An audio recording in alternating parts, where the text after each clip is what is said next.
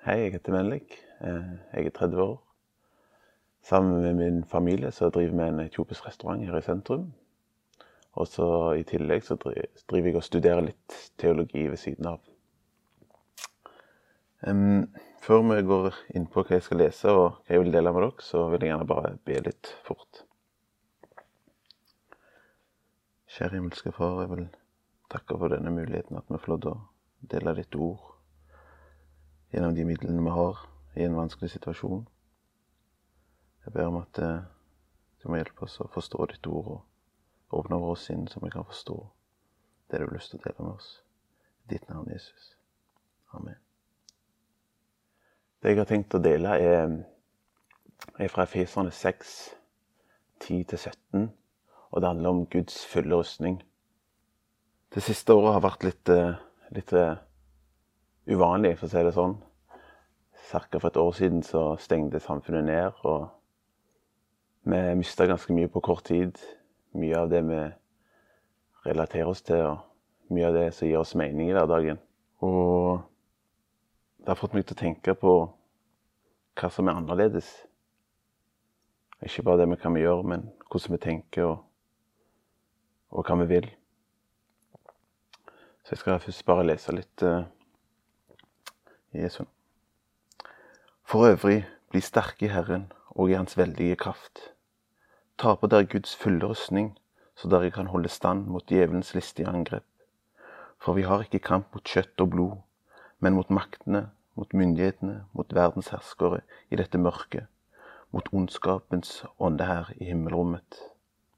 Ta derfor Guds fulle rustning på, så dere kan gjøre motstand på den onde dag, og bli stående etter å ha overvunnet alt. Stå da ombundet med sannhetens belte om livet, og vær iført rettferdighetens brynje. Ha som sko på føttene den beredskap som fredens evangelium gir. Grip fremfor alt troens skjold, så dere kan slukke alle den ondes brennende piler med. Ta frelsens hjelm og åndens sverd, som er Guds ord. Paulus eh, skriver dette brevet til efeserne, og han beskriver en, en kristelig, åndelig kamp. Ikke om kjøttet, men det som foregår på innsiden. Og det er rart at han bruker en rustning, da. At det er en krig, at, det, at vi prøver å bevare fred, eller om vi skal gå i angrep på noe. At vi prøver å forsvare oss. Når samfunnet stengte ned, så er vi ikke så ofte så mye ute blant folk, og vi trenger ikke passe på hva vi sier, eller hvordan vi ser ut, men det som er det samme, er at vi blir jo fortsatt angrepet av forskjellige ting. Tanker og meninger og, og synspunkt. Og jeg må ta del i den første tingen som skal gjøre, og det er å stå ombundet i sannhetens belte. Og det har fått meg på å tenke på hva, hva er sannheten, eller hva er virkelig sant? Jeg søkte opp sannheten i, i Den norske akademiske ordbok, og da står det at Sannheten det er å være i sann overbestemmelse med virkeligheten. Jeg syns det var litt eh, vanskelig å begripe alt sammen, så jeg trykte igjen på sann. Det å være sann. Og det er å være korrekt, faktisk og virkelig. Så sannheten det er det som er faktisk, og det som er korrekt, og det som er virkelig. Jeg skal lese fra Johannes 14, 1-6. Og her skal vi finne ut ikke bare hvem, men hva som er sannheten. Jesu navn. La ikke deres hjertes forferdes. Tro på Gud og tro på meg. I min fars hus er det mange rom. Var det ikke slik da jeg hadde sagt dere det? For jeg går bort for å gjøre i stand et sted for dere. Og når jeg har gått bort og har gjort i stand et sted for dere, kommer jeg igjen og skal ta, skal ta dere til meg, for at også dere skal være der jeg er og dit jeg går, vet dere veien. Thomas sier til ham, Herre, vi vet ikke hvor du går hen, hvordan kan vi da vite veien? Jesus sier til ham, Jeg er veien og sannheten og livet. Ingen kommer til Faderen uten ved meg. Så hvordan skal vi forstå dette her? Jesus sier sjøl at han er sannheten, veien og livet. Og det fikk meg til å tenke på at det er rart at vi skal ta på oss sannheten først, før vi tar på oss resterende rustningen. For Du har kanskje sett en eh, film der det er romerske soldater, der de iførte en brystplate og en hjelm med litt sånn røde fjær på toppen og sverd og skjold. Men før de tar på den rustningen, så må de ha på et, et plagg unna som gjør at du klarer å bære rustningen uten å tære på kroppen. Jeg tror ikke det er veldig behagelig å ha metall direkte på kroppen, og, og du skal ut og bevege deg og i masse bevegelser. Da tror jeg at du skal få kjenne det. Men den her, det plagget som de skal ta på seg, en tunika på en måte, kan ligne på en badekåpe, en litt kortere. Den skulle de ta på seg, og så skulle de knytte et bånd rundt som gjorde at de kunne ta på seg Guds fulle rustning. Nå er ikke sannheten sånn at den alltid er veldig kjekk å høre. Av og til er han litt rustende, av og til er han sann, av og til er han god.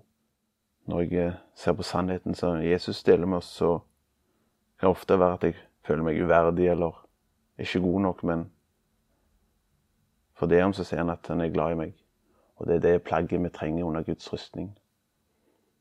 Fordi vi vet jo at Guds helligdom, den den virker jo døden for synderne. Men vi som har fått lov til å kle oss i Guds blod, vi, klarer Guds rustning. Fordi vi har det plagget her, det, det livets belte rundt oss. Så når vi kan se at Jesus er veien, sannheten og livet, så kan vi gå ut ifra at det Jesus sier, er sant. At det er virkelig, at det er korrekt, og at det er faktisk. Jeg har ikke tid til å lese alt det Jesus sier, men jeg tror vi kan ta opp den kampen hjemme, der du er. Videre så har vi da rettferdighetens brynje. Det er det såkalte rustning som er foran brystet da, og på ryggen. Jeg har igjen gått til ordboken og jeg har søkt opp eh, hva som rettferdighet betyr.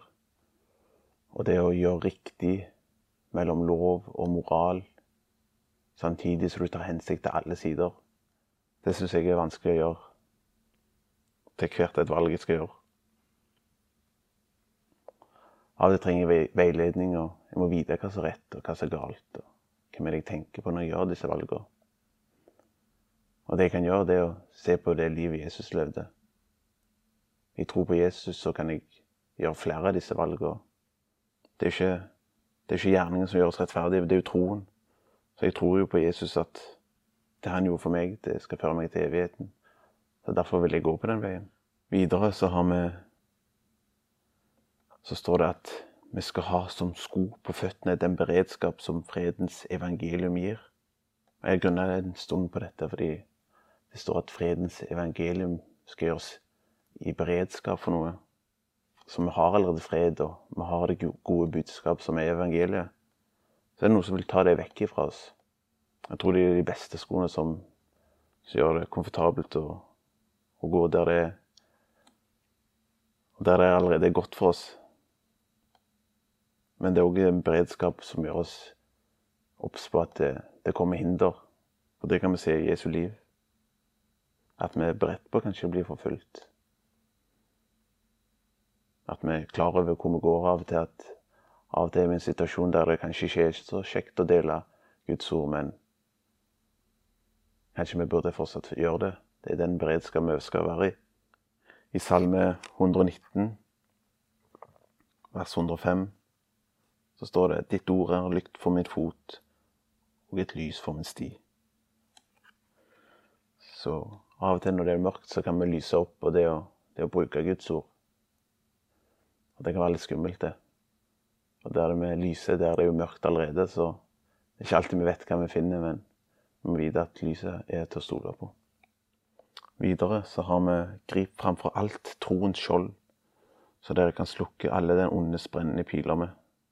Igjen så ser vi skal gripe noe. Vi skal gripe troens skjold. Jeg tenker at det,